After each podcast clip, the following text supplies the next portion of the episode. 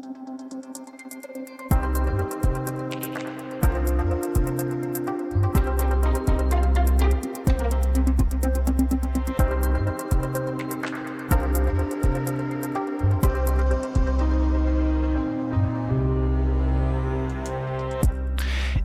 november 2018, ja, der bliver Ditte Akkergaard indlagt med stærke mavesmerter, som er opstået i kølvandet på en lang række maveoperationer. Lægerne de kan ikke forklare Dittes smerter, men beslutter sig for at udskrive oxycodon til hende mod de her smerter. Seks gange i døgnet skal hun have en pille. Det virker til at starte med, men når smerterne tager til, får Ditte flere piller af lægerne. Nu skal hun i stedet tage dem hver tredje time og i større doser. Det ender med, at hun på daglig basis får det, som en professionel smertebehandler kunne kalde en hestedosis af morfinlignende medicin. Det bliver til en flere år lang afhængighed hos Ditte, og en afhængighed, der først slutter i januar i år. Og Ditte, hun er langt fra den eneste. På landets smerteklinikker, der får de jævnligt folk ind, som på grund af vedvarende smerter efter operation får udskrevet opioider og er endt med at blive afhængige. Det er reporterne i dag. Mit navn, det er Niels Frederik Rikkers. Nu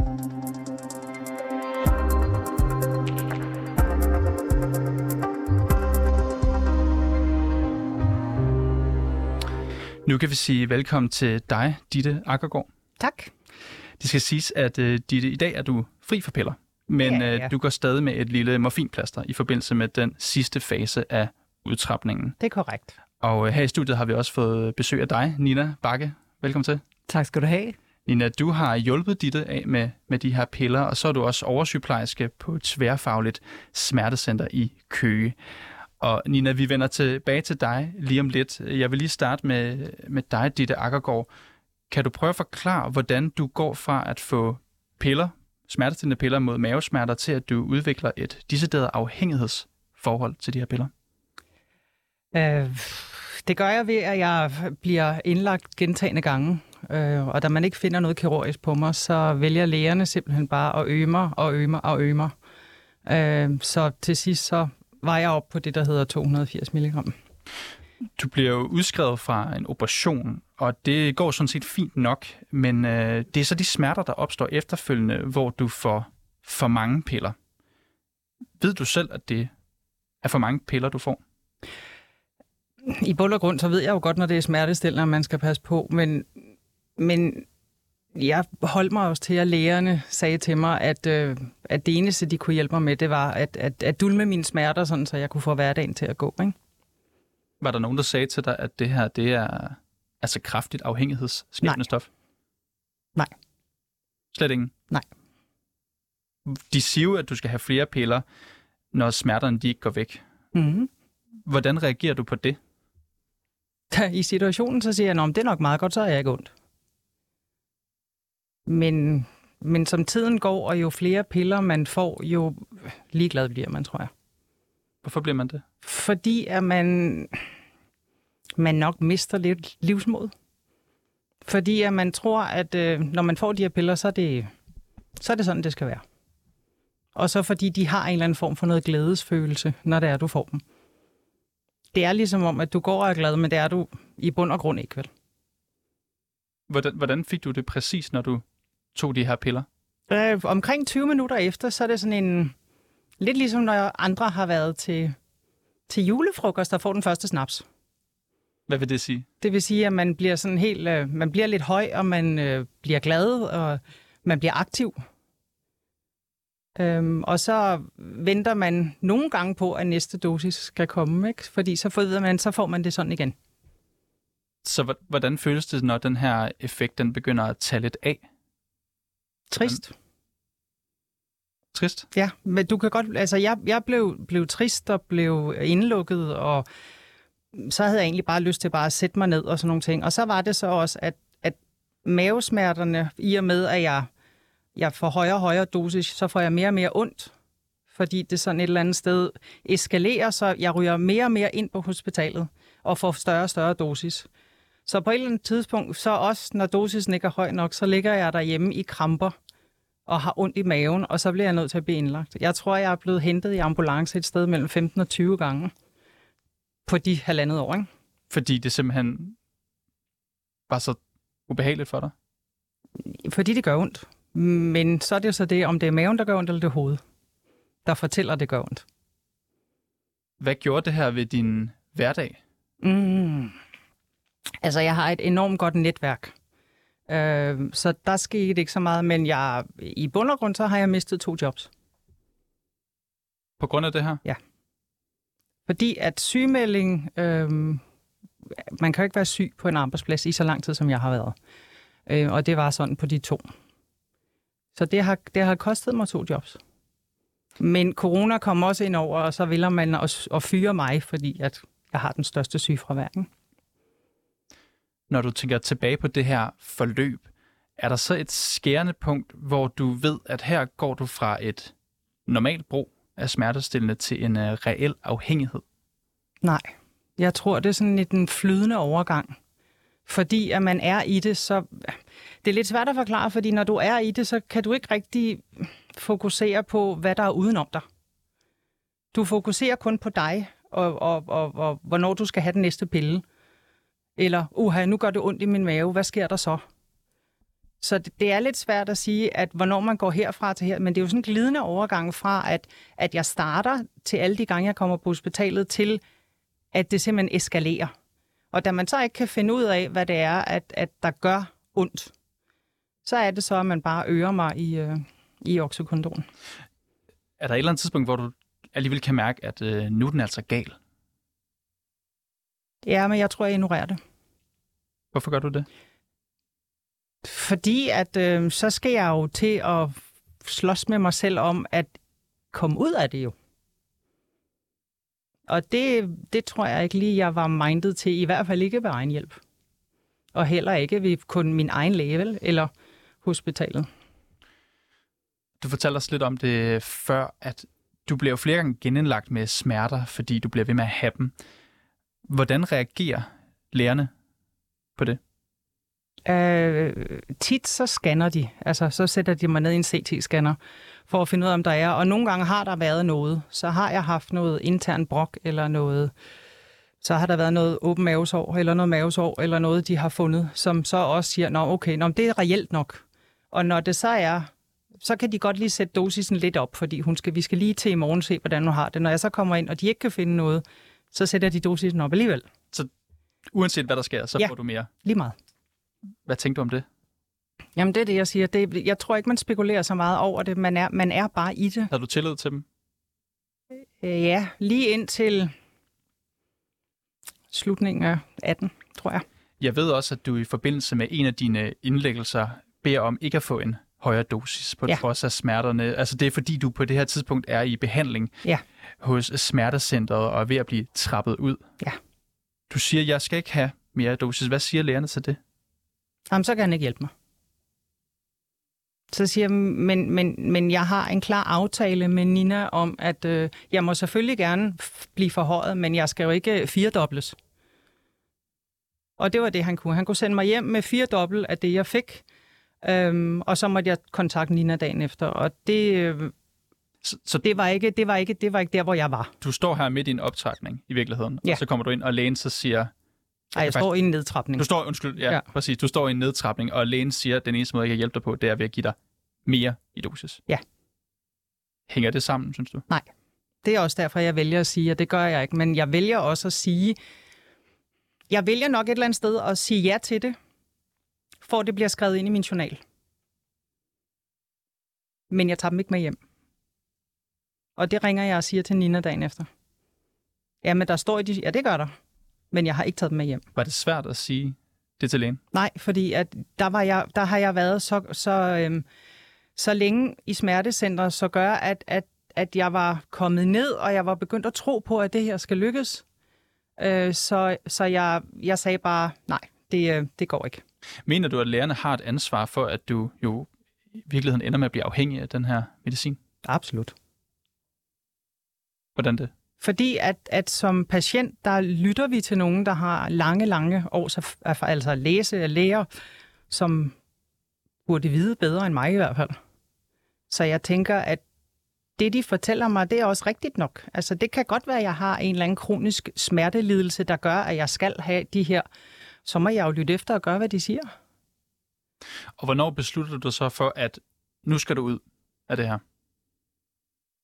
Øh, jeg blev indkaldt øh, til smerteklinikken i, jeg tror det var, var midt 18, og havde min første konsultation hos min læge der øh, i oktober.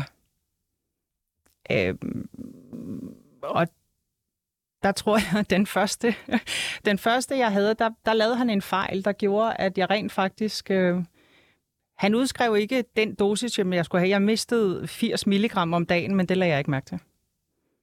Så da vi kom tilbage, så siger jeg, men det, det har du rent faktisk gjort. Så siger jeg, nå, men så er det bare den anden vej. Så skal vi bare videre. Og det er fordi dosisen er så høj, så rent faktisk, så er du fuldt ud dækket med 200. Så han havde bare, jeg havde ikke tænkt, og jeg havde bare, jeg tager dem bare. Hvor, hvor lang tid tager det dig at øh, trappe ud af det her? Men det har jo så taget fra ja, omkring oktober 18, ikke? 19. 19. 21. Ja, 21. øh, så det var i 21, at jeg kom her. Det, det var ikke i 18, det er mig. Øh, fra ja, oktober 21 og så til den 13. januar i år. Så halvandet år? Ja, 15 måneder godt og vel. Hvordan har du det i dag? Jeg har det godt. Jeg går rundt med, med plaster på, hvor vi startede med 20 mikrogram, øh, som, som da jeg stoppede med de her den 13. så tog plasteret ligesom over, og det har, det har vi så nu allerede ned på 15 mikrogram, øh, og regner med, at inden for meget, meget kort tid, så er de der slet ikke. Og, og det her, det kan jeg jo også passe at spørge Nina Bakke om lige om lidt, men kunne det her have været undgået? Ja, det kunne det godt. Hvis, det? hvis jeg til at starte med blev opereret, og de siger, okay, du får x antal piller, lad os sige, du skal have 5 milligram fire gange i døgnet, øhm, og så skal du sådan ligesom tage tre nogle dage efter, og så ned på to.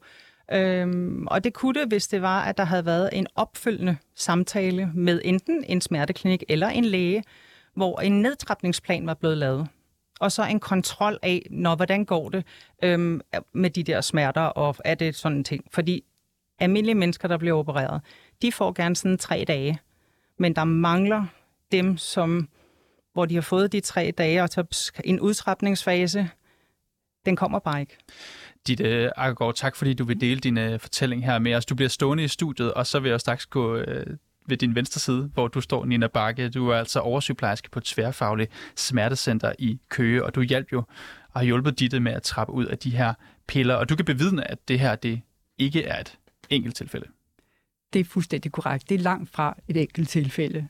Og som Ditte fortæller det, er det jo øh, meget vanlig procedure, at man starter opioidbehandling op i forbindelse med operationer og akutte smerter. Og jeg har også lige lyst til at sige, at det er også godt, fordi at det er dertil opioider øh, har sin plads. Så hvor er det, problemet opstår?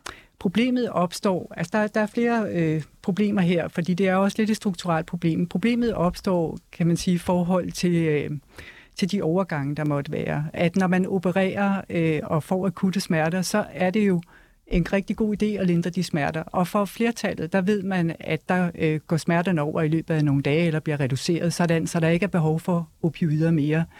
Men for nogen, der fortsætter smerterne jo, og det er der, hvor at der mangler noget follow-up, noget struktureret follow-up. Og jeg vil da også sige, at nu i Dittes tilfælde, som øh, Ditte fortæller, at hun har været indlagt adskillige gange, og dosis er blevet øget, men at der reelt også har været noget at behandle på, og noget, der har forårsaget en akut forværing af hendes smerter, øh, som har gjort, at der er det rigtige også at gøre og give hende opioider der. Men så netop at sikre nedtrapning igen efterfølgende. Og hvor at jeg jo godt kan forstå, at en, hvis den praktiserende læge eksempelvis skal tage over og trappe ditte ud eller ned i opioider, og hun har haft et kompliceret operationsforløb, så har vi et eller andet derimellem, hvor det bliver svært for den praktiserende læge øh, og sådan en, at navigere i. Sådan en situation, som Ditte har været igennem, er det et hyppigt problem ja. i samfundet? At, at øh, du tænker i forhold til, at man bliver øget i opioider, når man er indlagt, og at der mangler follow-up, ja, det er et hyppigt problem. Det er det. Altså, jeg er jo bekendt med, at antallet af langtidsbrugere af opioider er faldet væsentligt øh, fra øh, de, de senere år, der er opmærksomhed på det. Men, men meget bekendt er det sidste tal fra Sundhedsstyrelsen omkring øh, 140.000 langtidsbrugere af opioider øh, på smertebaggrund. Og man kan sige, Ditte beskriver jo det problem, som vi ser dagligt i smertecentrene, øh, og det er, at når du har fået opioider, hvis du får det i starten, så er det fint, så virker det. Så går der noget tid, så aftager effekten. Det er toleranceøgning. Det er et fænomen. Men oven i det, så ser vi også, at der ændres simpelthen i nogle af de, øh, man kan sige, smerteproducerende og, og smertehæmmende mekanismer. I hvert fald så sker der det, at man udvikler paradokseffekt over tid. Og at de smerter, man indledningsvis bliver lindret for, de faktisk bliver forværret over tid. Det, der er for den enkelte, der har det sådan, det er, at de mærker, at deres grundlæggende smerter, hvis nu vi siger, at det var nu med ditte, mavesmerter eller rygsmerter, man får opioiderne for, så mærker man, at det, man egentlig blev behandlet for til at starte med, at de smerter bliver værre og værre over tid, og så øger man efterhånden dosis. Og, og vi ender jo i det, med det, som Ditte selv kaldte for en, en kæmpe dosis. Uh, dosis. Ja. Bare sådan for at forstå det også for lytterne. Hvad vil der ske, hvis uh, jeg for eksempel lige nu modtog sådan en dosis? Hvis du modtog sådan en dosis, som Ditte fik, på 280 mg oxycodon, som når man regner det om, så, så regner vi det om til morfin øh, halvanden gang eller to gange så meget, så vi siger bare rundt regnet måske 500 mg morfin, du vil dø af det. Er det meningen, at det skal ende der, hvor øh, personer ligesom Ditte får så høj en dosis? Nej, slet ikke. Og man er også generelt blevet langt mere opmærksom på det. Men hvordan kan det, hvordan kan det ske? Altså det, det er jo lægerne, der giver det her. De ved vel godt, ja. hvor farligt det kan være. Ja, Altså, jeg vil sige, at viden flytter sig også. Vi skal også have respekt for, at hvis du skruer tiden til 15, måske 20 år tilbage, så var der en antagelse om, at når du fik de her lægemidler, opioider i depotform, øh, på grund af en kronisk smertetilstand, så var det kun et fåtal af dem, øh, de mennesker, der fik det, der blev afhængige af det. Viden har flyttet sig nu. Nu ved vi, at jo længere tid du har fået det, og jo højere dosis, jo større risiko er der for ikke kun fysisk afhængighed, men også den særlige psykiske afhængighed, som er den sværeste. Og jeg har lyst til at sige, at der var også noget respekt for, at viden flytter sig, fordi det tager lang tid at vende en skude for noget, der har været engang i et stort øh, behandlersystem.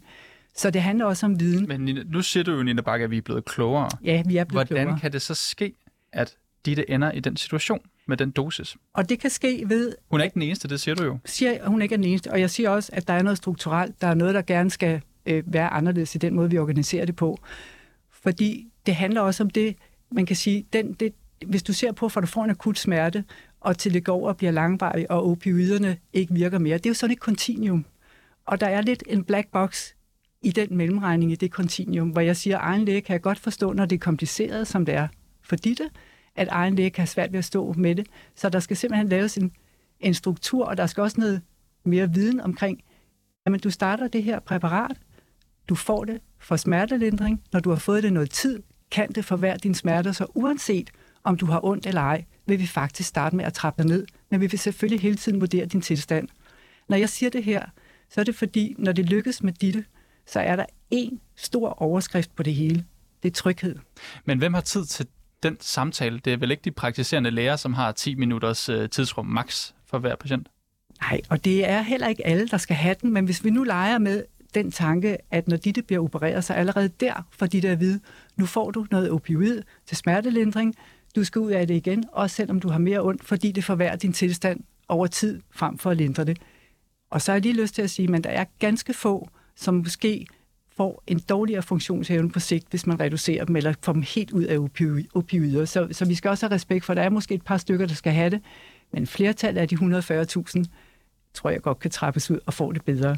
Så... Men, men jeg, jeg kan bare ikke lade være med at tænke, du siger selv det her tal 140.000. Jeg siger ja. ikke, at de alle sammen får det, man kunne kalde en elefantdosis. Nej, men det gør de ikke. Helt banalt, er der styr på det, som det ser ud lige nu?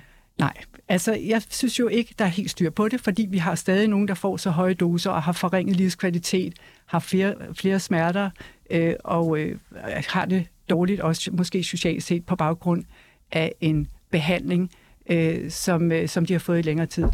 Vi ved at arbejde sammen på at få styr på det. Og jeg ved godt, det kan lyde sådan lidt udglattende, men det er, det er et stort øh, strukturelt problem, som også handler om organisering.